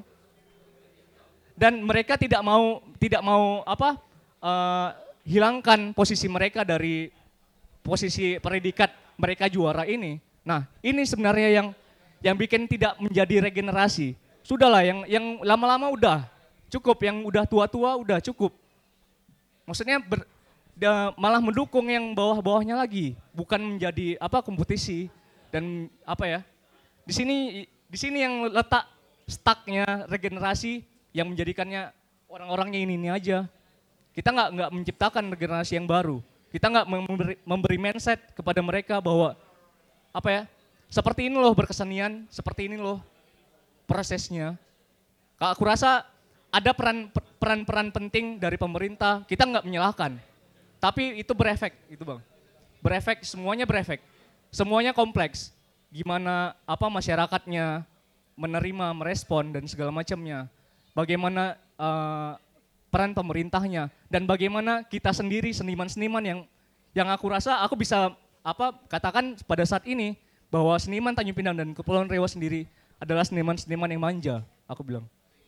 Manja, manja terhadap manja, manja sekali, manja nunggu event, manja tunggu dipanggil, manja ya pakai bayaran dan segala macam, manja semuanya. Mau buat event aja manja gitu. Harus udah biarin aja yang yang lain dulu. Nah, ketika ada satu oknum yang membuat acara misalnya yang yang orientasinya ke uang, kita malah malah menyalahkan itu. Nah, di sini di sini yang yang apa? letak kita harus sadar diri sadar diri juga gitu sebagai seniman. Kalau mis- misalnya mau membuat perubahan ya dari kita sendiri. Mungkin yang pertanyaan tadi Bang bisa dijawab, Bang. Eh, Oke, jadi eh, Pak Elmi begini, pertanyaannya si si Ega tadi tentang apa perannya Dewan Kesenian untuk kot, sebuah kota gitu ya. Pertanyaannya itu dan tad- eh, sebenarnya apa yang Ega obrolin tadi soal tentang adanya gap antara yang tua dan yang muda sebenarnya itu juga jadi bahasan kita tapi nanti akan kita bahas. Nah, setelah Pak Helmi menjawab apa tadi pertanyaan dari Ega, setelah ini kita masuk ke sesi di mana kita coba sharing kepada pelaku seni yang mendapatkan pendidikan langsung yang memang di fakultas seni biar kita juga tahu dan merasakan eh, pendidikan langsung di dunia seni. Oke, mungkin Pak Elmi bisa jawab tadi pertanyaan dari Ega. Apa sih sebenarnya eh, fungsi dari Dewan Kesenian untuk eh, satu kota gitu? Baiklah, makasih Ega. Dewan Kesenian itu sebuah lembaga yang dibentuk oleh pemerintah menjadi wadah bagi para seniman ya. Bagi para seniman sebetulnya kita Dewan Kesenian eh, kita mengurus kesenian-kesenian yang ditinggalkan sebenarnya. Kita banyak kearifan-kearifan lokal itu yang eh, mereka nggak punya panggung, mereka nggak punya apa harus harus kita kita bantu baru mereka bisa eh, tampil di publik. Contohnya kearifan-kearifan lokal itu yang ada di tempat kita ini seperti eh, mungkin masih asing ya, ada kesenian melemang. Kesenian melemang itu adalah pecahan dari joget dangkung. Nah sekarang itu kondisinya sudah hampir punah. Itu sebetulnya tupoksi Dewan Kesenian yang paling utama tuh itu. Eh, mengangkat eh, kesenian-kesenian yang ditinggalkan. Tapi eh, begini ya, karena saya ini basicnya dari band, saya anak musik. Jadi saya diskusi dengan kawan-kawan di Dewan Kesenian, mungkin bagaimana caranya ini yang kita pikirkan ya sebenarnya kan ruang. Masing-masing memiliki ruang. Jadi tidak hanya eh, fokus kita kepada kesenian-kesenian kearifan lokal yang ditinggalkan, tapi juga kesenian-kesenian yang modern. Sekarang ini kan udah berkembang banyak sekali seni rupa. Contoh di eh, apa di Gandrungi Ega aja itu mural ya, gaya di seni rupa. Seni rupa pecahannya banyak sekali. Seni rupa mungkin ada graffiti, ada apa segala macam itu. Eh, mungkin tugas-tugas kita yang eh, tambah tambah berat, ya. Eh, kita juga harus membuat ruang untuk untuk kawan-kawan seniman. Sebetulnya memang mungkin satu sisi betul juga ya. Kita agak manja mungkin ya. Agak manja nunggu pemerintah bikin bikin festival, nunggu pemerintah bikin event baru kita eh, ber- hadir di situ ataupun berkarya di situ. Sebetulnya eh, kita sebenarnya bisa bisa berkarya juga tanpa eh, mengeluarkan modal yang besar atau anggaran yang besar. Dan itulah yang kita pikirkan. Sebenarnya bagaimana eh, tiap bulan ada panggung seni atau eh, bebas ketika kita mau berkarya mau di mana aja mungkin yang diizinkan oleh pemerintah kita bisa bikin di situ Eh, baik seni rupa dan seni-seni yang lainnya jadi di sini eh, Dewan Kesenian eh, mungkin di era kami ya sekarang ini kita mau mencoba untuk memberikan ruang walaupun fokus kita kepada kesenian-kesenian kearifan lokal yang ditinggalkan atau misalnya kesenian-kesenian tradisi tapi kita juga mencoba untuk berimprovisasi eh, supaya juga eh, kesenian-kesenian modern. Kan kesenian modern ini milenial ya. Saya mungkin mengatakan kesenian yang eh, mandiri. Mereka bisa menciptakan panggung sendiri kesenian-kesenian itu berbeda dengan tradisi. Tradisi mereka harus di setting seperti ini. Contoh misalnya macam Mak Yong mereka harus eh, punya setting apa setting bangsalnya seperti apa gitu. Kemudian Mendu juga harus punya setting setting untuk teater mendunya bangsawan begitu juga. Nah kalau kawan-kawan kesenian modern kan enggak. Bis, mereka bisa ekspos di apa eh, dunia maya juga di dunia nyatanya di lapangannya juga gampang gitu. Kayak Ega mungkin ketemu dinding mungkin langsung ya bisa eksekusi Habis itu kena tangkap itu. satpol. ya Ah, saya rasa mungkin itu dulu nanti terlalu panjang Oke, ya siap, Pak. Ah, ah.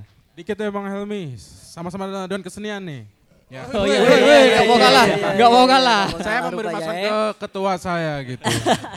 nah, justru akan sangat membayangkan di satu sisi juga melakukan eh, pelestarian, konservasi terhadap itu. Di satu sisi mengajak yang milenial untuk ikut mengangkat Malemang tadi, gitu loh Bang Helmi. Di situlah saya ingin berada sama Bang Helmi gitu. Thank you Bang Helmi. Ya, eh, saya ada ada tambahan sedikit. Eh, memang kita beginilah. Provinsi Kepri ini punya punya punya apa? Punya moto Kepri sebagai Bunda Tanah Melayu. Nah itu eh, sebuah identitas yang tak ringan. Sebenarnya eh, Bunda Tanah Melayu itu kan ada eh, nilai-nilai budaya yang kita miliki dan itu juga eh, harus kita ambil dia punya esensinya ke dalam karya-karya kita. Dan itulah eh, kenapa kita harus harus memperhatikan itu karena kalau kita tidak tidak berupaya untuk mengangkat itu, ya kita mungkin akan sama aja, mungkin seperti Ega ataupun mungkin eh, kawan-kawan yang lain ketika eh, ketemu di panggung nasional kita nggak punya identitas. Dan inilah yang kita bawa gitu, Kepri. Jadi kita memang eh, satu problem Kepri sebagai Bunda Tanah Melayu, tapi eh, apa ya? Dia punya motivasinya kurang ke arah situ.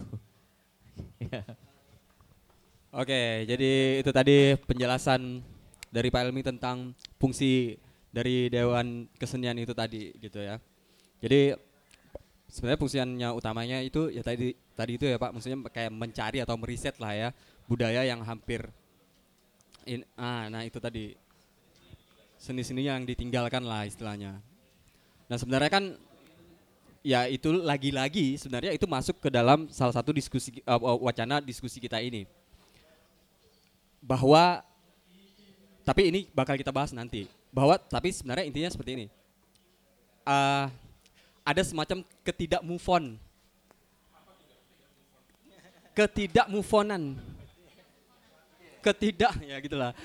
Maksudnya eh, kita semacam orang-orang Tanjung Pinang tuh semacam nggak bisa move on dari dari kesenian-kesenian yang berbau tradisi kalau menurut saya. Sebenarnya sebenarnya kita tuh sering, Pak, maksudnya kayak ketika kita eh, menghubungi satu pihak gitu, satu lembaga atau apa, eh, Pak, kami mau berkesenian nih, disupport dong. Awalnya disupport, silakan. Oh iya, iya, ayo, ayo, coba sharing, coba sharing. Tapi sekalinya kami sampaikan kesenian kami ini jenisnya seperti apa, lagi-lagi mental gitu. Karena semacam ada pakem-pakem tertentu yang mengharuskan kami, tidak boleh seperti ini. Tra- tradisi kita tuh bukan ini, tra- budaya kita bukan ini. Nah, pakem-pakem seperti itu yang akhirnya membatasi gitu loh. Nah, mungkin ini nanti bisa dicari solusinya bagaimana gap, mungkin gap ini, gap ini bisa berkolaborasi gitu ya kali. Oke, eh, kali ini kita masuk ke sesi apa nih, Le? nambahin sedikit. Ah, iya. Halo. Oh ya, silakan, Mbak. Eh, lanjutan dari mungkin eh, ketemu kasusnya ketika berhadapan mungkin ya mungkin dalam tanda kutip pemerintah ya. Eh, kami ingin berkesenian mengangkat tentang eh, objek tradisi ini. Nah, kami punya apa eh, berkesenian kami ini seperti ini gitu. Ah, seperti ini. Oh nggak bisa. Nah itu sebenarnya yang yang yang harus kita kita bincangkan sebetulnya kan kesenian ini kan dia eh, universal. Kita bisa angkat apa aja. Nah itu enaknya orang itu enaknya orang seni.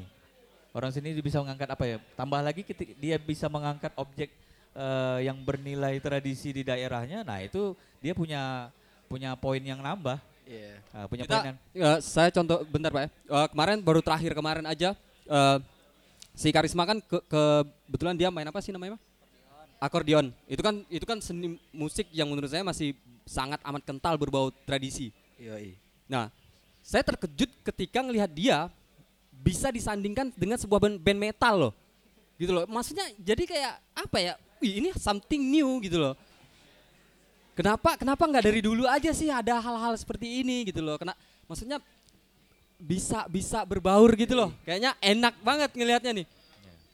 Saya pikir gini ya, apa eh, kadang-kadang kita dalam berkarya, kalau kita melupakan dinamikanya, kan dalam berkarya seni ini paling paling paling kental dinamikanya. Ya. Ada ada keras, ada lembut seperti tadi yang disampaikan eh, memasukkan instrumen akordeon di dalam musik rock, apalagi musik metal, gitu ya. Kalau kita nggak pandai-pandai ngatur dinamikanya, ya akordeon mungkin akan tenggelam dengan distorsinya gitar kan. Yep. Nah gitu. Termasuk juga persoalan kita pada hari ini. Pada hari ini kita dinamika itu nggak nggak tercipta dengan dengan baik ya. Nah jadi mungkin eh, itu yang yang yang harus kita cari solusinya seperti apa supaya bisa eh, apa pun berkeseniannya dia mau mengangkat tentang eh, objek kedaerahan, nah itu ada jalannya. Gitu. Nah, setuju. Ya sebenarnya emang dinamika itu sebenarnya yang seru ya. Kalau kita sekedar berkesenian aja boring gitu loh. Tapi Bagian dinamika itu loh yang bikin seru. Ya itu kan? bagian daripada proses sih.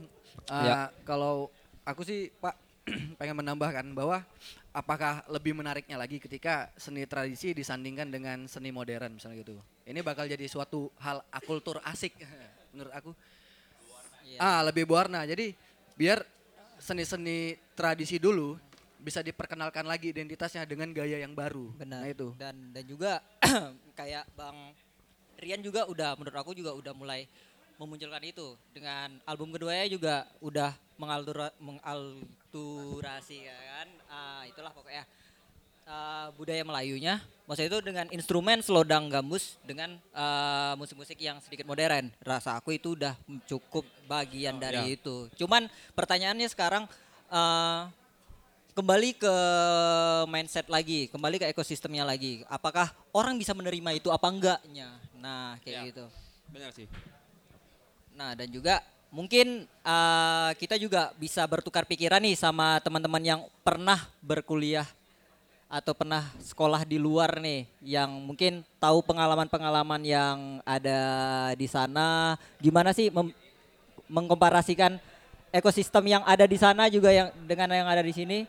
Ya mungkin. eh, teman-teman yang pernah berkul- berkuliah atau dapat pendidikan langsung tentang dunia seni mungkin bisa berbagi ceritanya setidaknya kita juga bisa merasakan apa sih efek yang kalian dapatkan gitu setelah benar-benar terjun langsung ke de- ke pendidikan Iya, benar. seni gitu loh. Mungkin ada kayak- ada yang pernah berkuliah? mungkin kayak bang Di- Said Ada?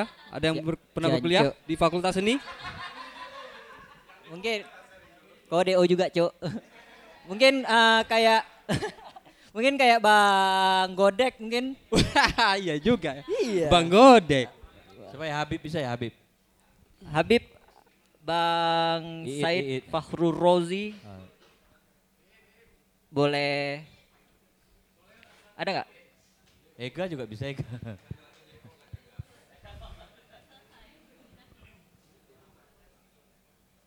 Seyo Ayo Iit yang rambut baru.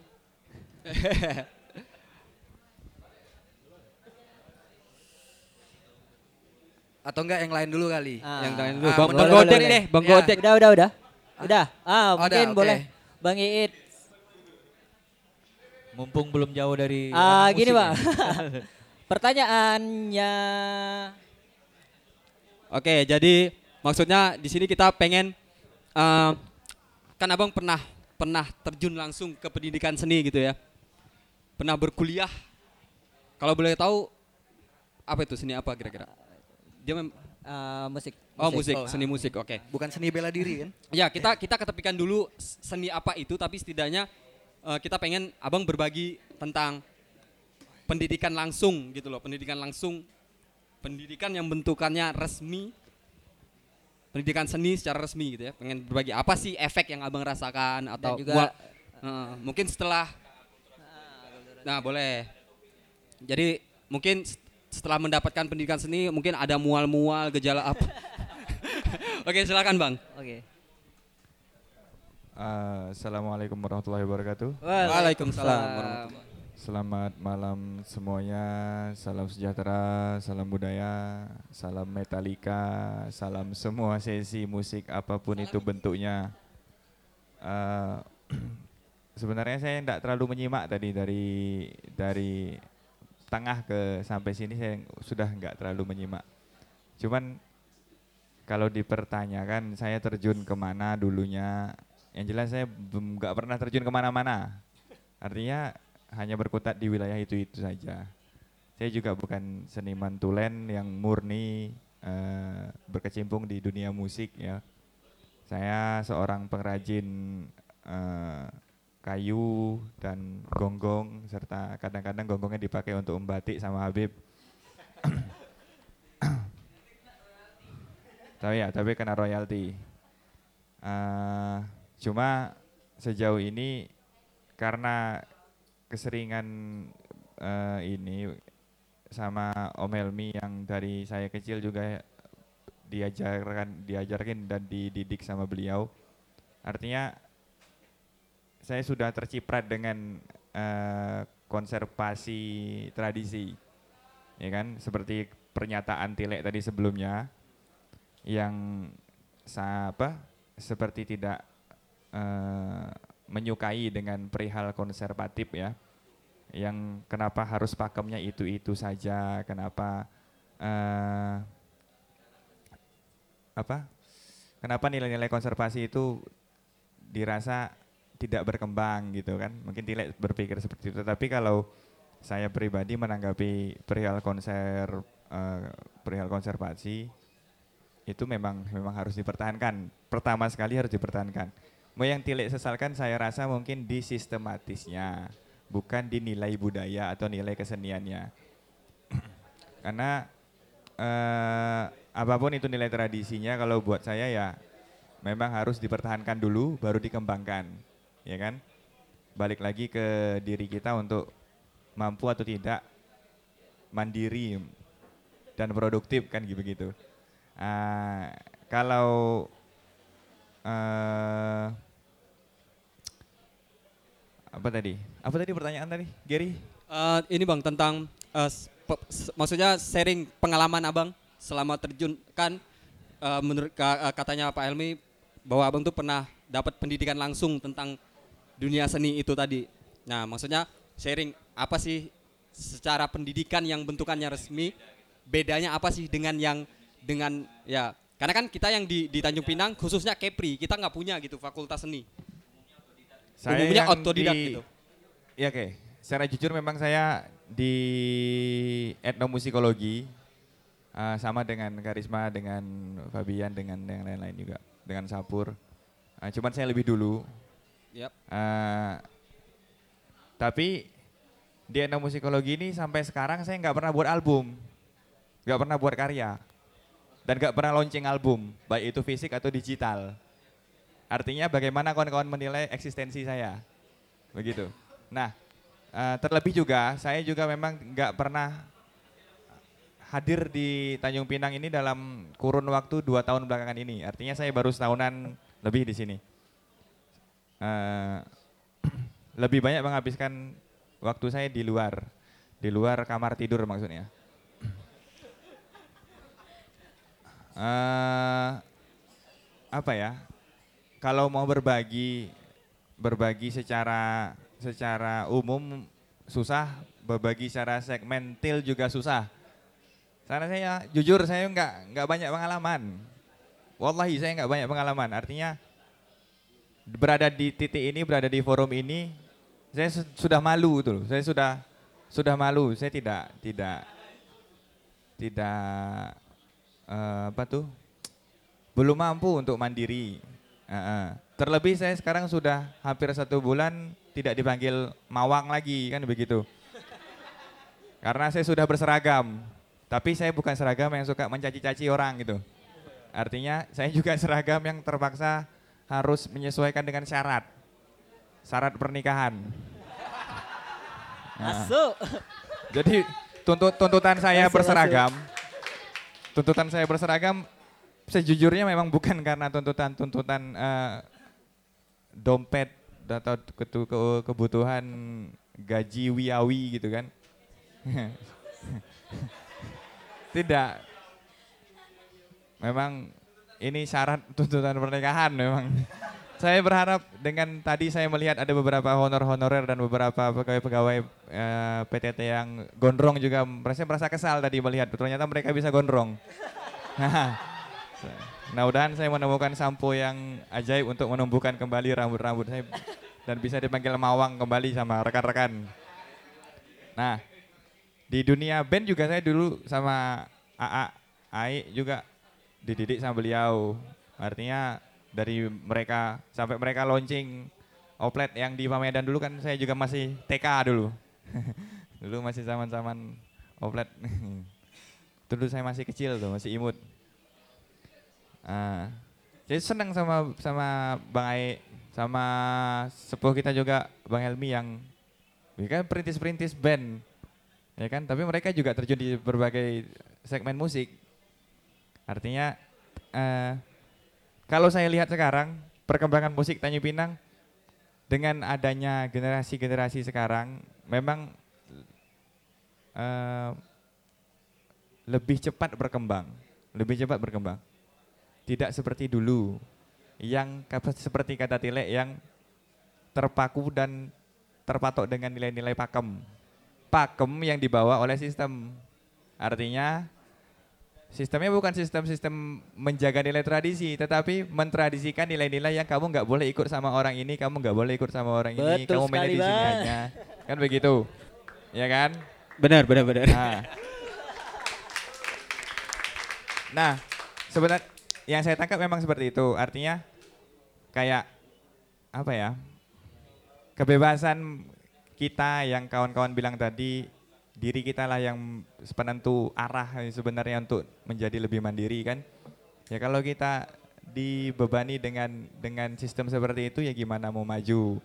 Artinya liar juga boleh tapi tetap bertanggung jawab, ya kan? Eh, kawan-kawan mau berontak juga boleh tapi tetap bertanggung jawab. Seperti forum ini kan punya nilai tanggung jawab. Walaupun kita sama-sama melontarkan isi hati, melontarkan hasrat-hasrat bahwa kita semua merasa miris, merasa sedih, merasa kekurangan dukungan, tetapi tetap juga harus eh, apa ya? Tetap harus merasa mawas diri dulu, ya, mawas diri dulu. Eh, saya harap memang forum seperti ini, seperti saya sama Om Helmi tadi di depan berharap ada lagi gitu, dan tidak diadakan oleh trigger-trigger ini, tapi bisa trigger-trigger yang lain, seperti Dewan Kesenian Provinsi, mungkin lebih besar lagi dengan tempat yang lebih besar mewadahi segambreng umat seniman Kepri gitu kan. Nah,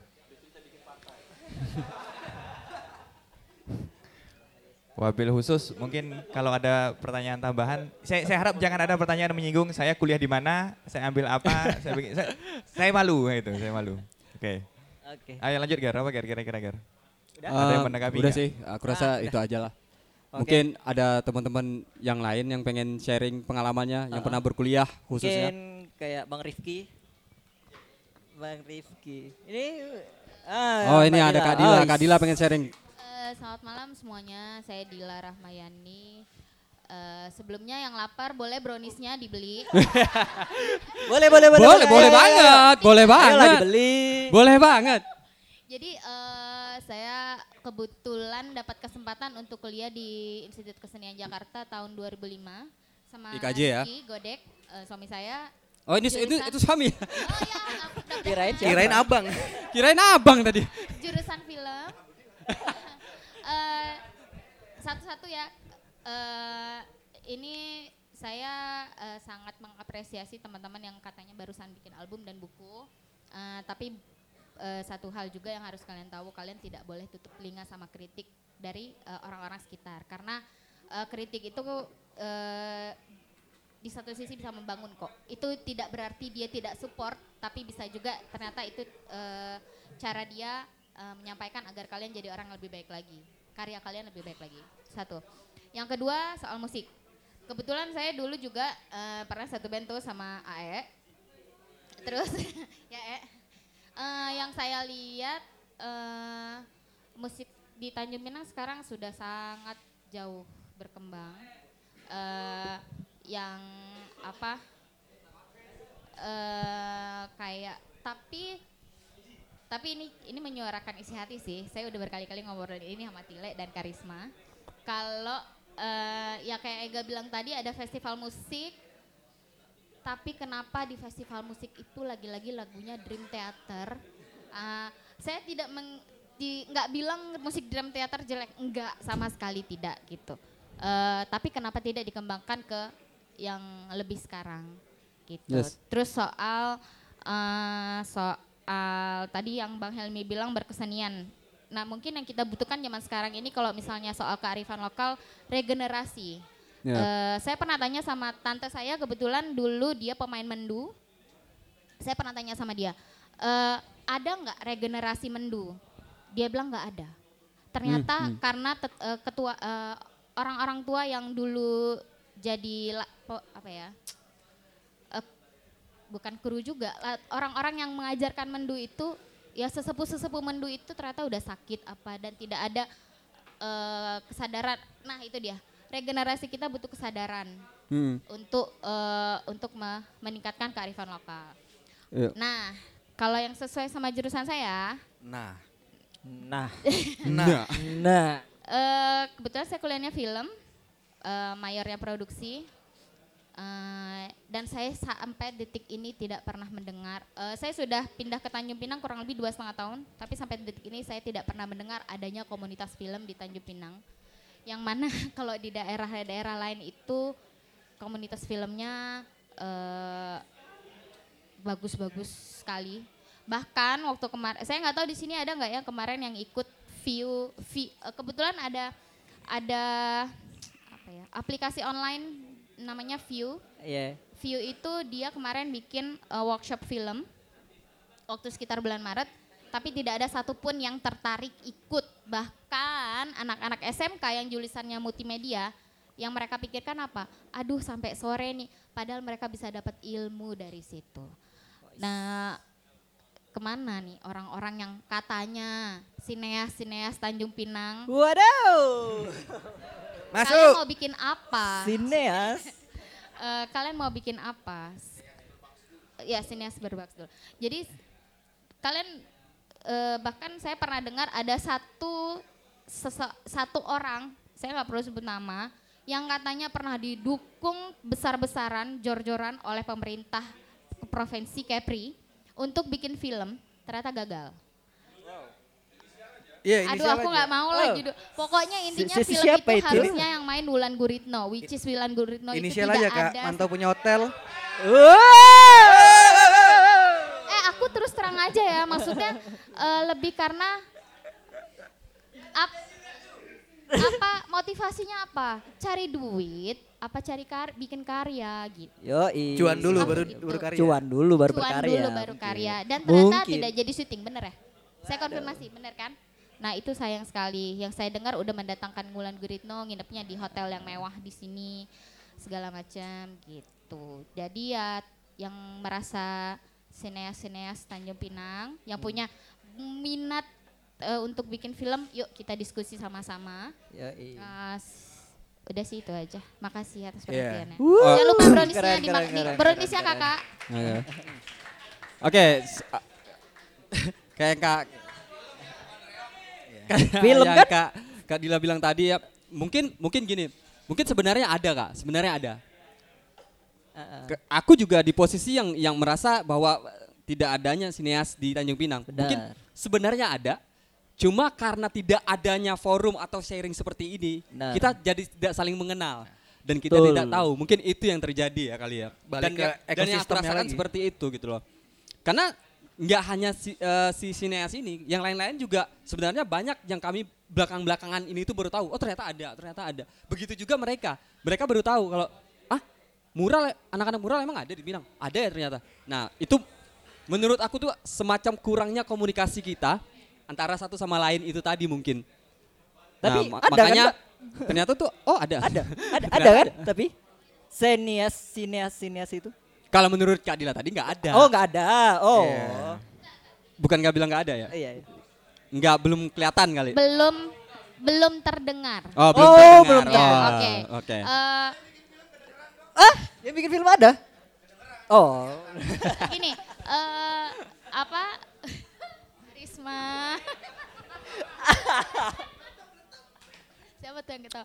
Gini Jangan sih, dipancing-pancing gitu. Eh, sorry lah, Nah, Ger. gini, eh, kayak yang Tile Iya, bilang, bi- eh, kayak yang Tile bilang, kita berkesenian itu semuanya berproses. Tidak satu kali kalian bikin film, terus kalian menganggap kalian sudah menjadi sutradara berbakat, ya kan? Betul. Nah, nah Masuk. eh, Tuh kayaknya suara-suara anak Nias tuh. ayo, ayo, ayo, masuk ya. An- Ayolah kita bikin bikin Iya. sesuatu, eh, bikin Iya. mungkin Bang Helmi bisa bantu kasih ide. Tidak, Iya, maksudnya paling enggak kita enggak bukan butuh support sih, tapi lebih butuh kayak ya itu tadi sih Iya. forum. Iya, benar, benar, Komunikasi kita harus Komunikasi, iya, Nah itu dia eh, dalam hidup ini komunikasi itu nomor satu guys. Oh iya, iya. Mungkin Mbak, kayak Mbak, ntar. aku pengen nanya nih satu hal nih. Ketika Mbak berproses di Jakarta itu kan sempat mungkin lulus kuliah juga masih stay di situ. Kan pasti atmosfernya beda nih antara Jakarta sama Tanjung Pinang. Mungkin pun ketika sekarang Mbak seandainya tidak di Tanjung Pinang, mungkin Mbak bisa apa ya, melampiaskan apa yang Mbak dapat di ilmu akademis itu. Lantas bagaimana ketika Mbak balik ke Tanjung Pinang, apakah ada suatu hal yang lah ternyata aku bingung nih mau melampiasnya ke mana gitu kan.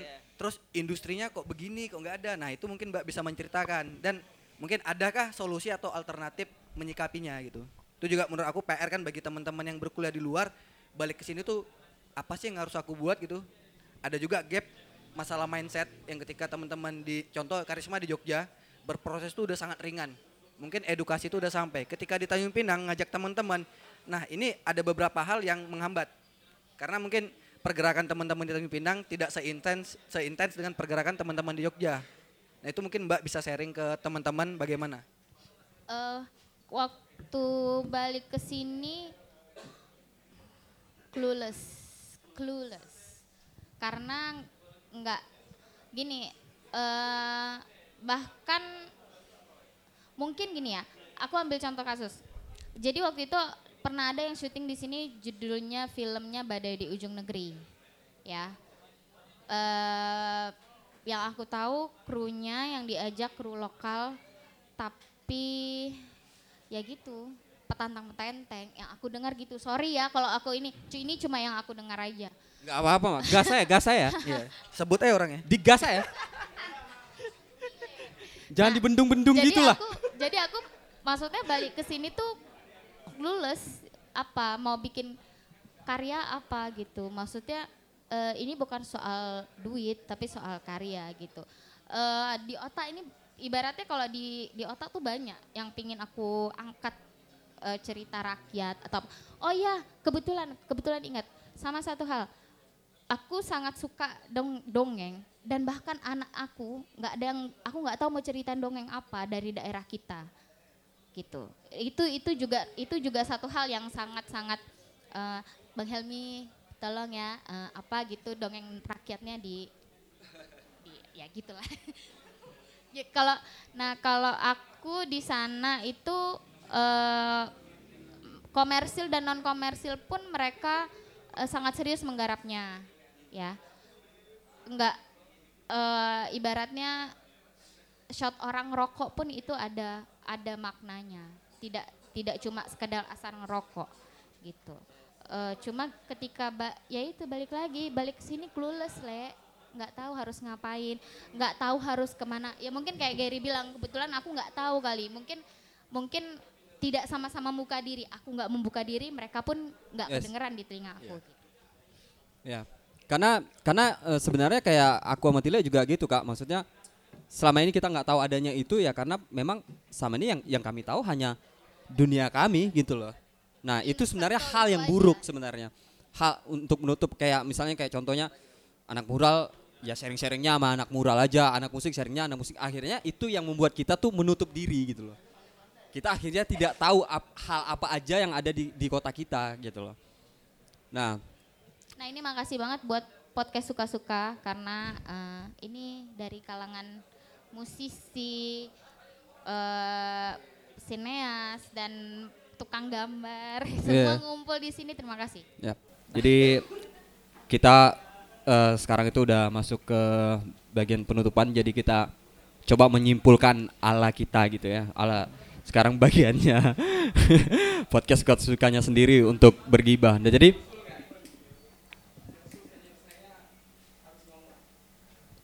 Oi. Oh Bang, oh kita kasih waktu buat Bang Ebib buat menyampaikan. Berarti sampai penutup kalian harus tetap di sini. Tes. Betul. Betul. Yes. Silakan Bang- Ebib berbagi pengalamannya. Assalamualaikum warahmatullahi wabarakatuh. Waalaikumsalam warahmatullahi wabarakatuh. Saya sebenarnya tak hendak bercakap.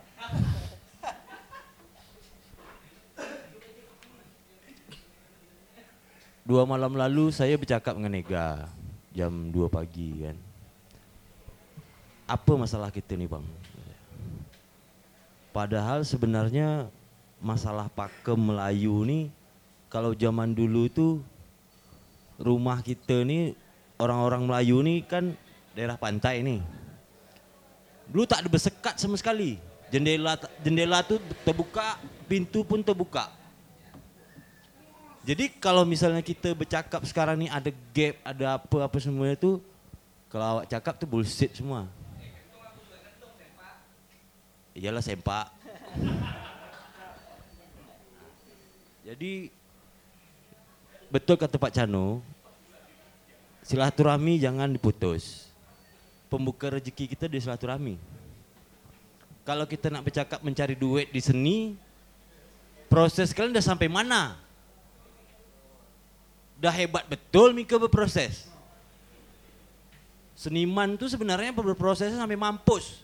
Asal Mika tahu ya kan. Nak buat karya tuh kalau dapat tuh aku nih besok mati. Berarti aku harus bikin karyanya yang bagus betul. Kalau Mika dah dah dah berpikiran Mika hebat dengan dengan seni Mika, dengan proses Mika, berarti ya Mika sepet, betul kata Bang Atok, busuk. Aku tak nak panjang-panjang sangat. Cuma kepikirlah tuh bahasa tuh. Wabillahi taufik wa hidayah. Wassalamualaikum warahmatullahi wabarakatuh. Yes. Iya sebenarnya sih memang ya inti dari obrolan apa pun ketika kita bicara soal karya gitu ya proses yang akan ada habisnya. Iya benar. Ya tetap berproses itu ya walaupun eh, sebenarnya jujur aja itu something yang boring. Akunya kalau ditanyain bang gimana caranya bisa jawaban aku hanya ya berproses. Nggak bisa menjelaskan secara teknik secara nggak bisa. Ya berproses gitu loh. Oke, ini kita udah mau nyampe eh, tahap ke penutupan, jadi kami coba menyimpulkan dengan caranya kami lah gitu lah ya, ya, kira-kira. Jadi dari tadi keresahan yang yang aku tangkap yaitu karena tidak adanya salah satunya ya adalah selama ini tuh kita tidak adanya komunikasi antara lintas komunitas, terus tidak adanya komunikasi antara komunikasi dengan eh, komunitas lain, komunitas satu dengan lainnya gitu-gitu ya. Jadi menurut aku tuh sebenarnya ya forum seperti ini tuh menyegarkan tapi ketika ini terlalu sering juga nggak bagus. Nah, jadi kita balik lagi ke, ke perkataan Pak Cono. Kita jadi nggak usah terlalu sering. Yang pe- yang penting itu bukan forumnya, tapi bagaimana kitanya sendiri berkarya. Jadi kita berkarya aja dulu semuanya masing-masing.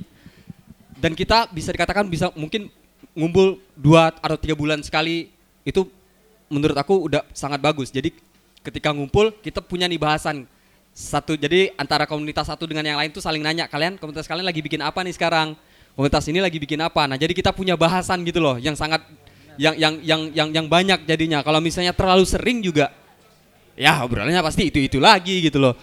Nah jadi mending ya udah kita berkarya aja dulu berproses masing-masing. Nggak masalah maksudnya eh, proses berkaryanya kita nggak nggak masalah masing-masing. Tapi ketika kita sudah berproses nih pengen curhat nah itulah saat di mana kita tuh satu sama lain ketemu. Kita cu- curhatin. Muda mungkin yang tadinya stuck dengan prosesnya setelah ketemu akhirnya punya oh iya juga ya ada ide masukan dari komunitas lain mungkin bahkan bi- bisa dikol- dikolaborasikan gitu kalau menurut aku sih itu yang selama ini yang yang yang belum kita dapetin gitu loh Benar. nah mungkin ta- ada tambahan dari Tile Ya aku sepakat ya sama Gary. Mungkin aku eh, menyimpulkan lagi bahwa sangat-sangat sepakat tentang masalah silaturahmi. Jadi berbicara ekosistem yang baik bukannya tentang skill, tapi di kekuatan silaturahmi. Dan itu terbukti dari apa? Dari podcast yang sekarang ini. Kalau bukan karena faktor kekuatan silaturahmi, kita nggak akan datang seramai ini, dibantu dengan MDC dengan alat-alat ini, dibantu dengan Gemini, itu dari hasil kekuatan silaturahmi. Itu aja yang pengen aku tekankan dan eh, yang aku tuntut apa ya? Saya jangan menjadi pemain-pemain yang manja. Kita cukup di diri kita aja berkarya, saling berkolaborasi, saling dukung karena jangan stuck di satu bidang itu. Itu aja dari aku. Ada tambahan ya dari Mungkin Garisma kalau aku lebih pada balik lagi sih orientasi berkarya kawan-kawan. Iya benar kata Bang Ebib juga eh, dan yang lainnya bahwa sebenarnya tuh ya proses itu yang bakal bakal menunjukkan hasil kalian. Nah, bagaimana sih proses kalian berkarya hingga sampainya eh, karya itu bisa didengar orang atau dilihat orang atau diapresiasi orang. Nah, mungkin lebih kepada juga bagaimana kalian juga memaknai eh, ekosistem itu sendiri. Bagaimana kalian bisa berkolaborasi dengan kawan-kawan yang satu dan yang dan yang lainnya.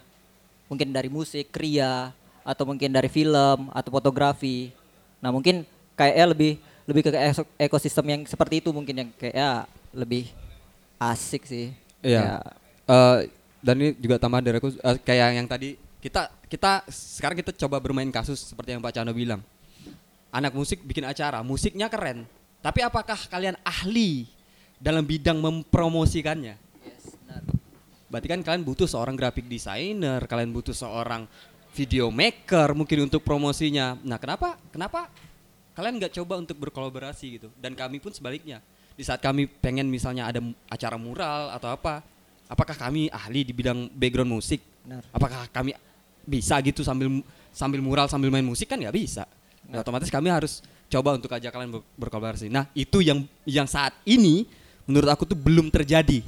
Nah, jadi satu komunitas tuh merasa bahwa mereka ketika bikin acara, ya udahlah kita-kita aja yang bikin.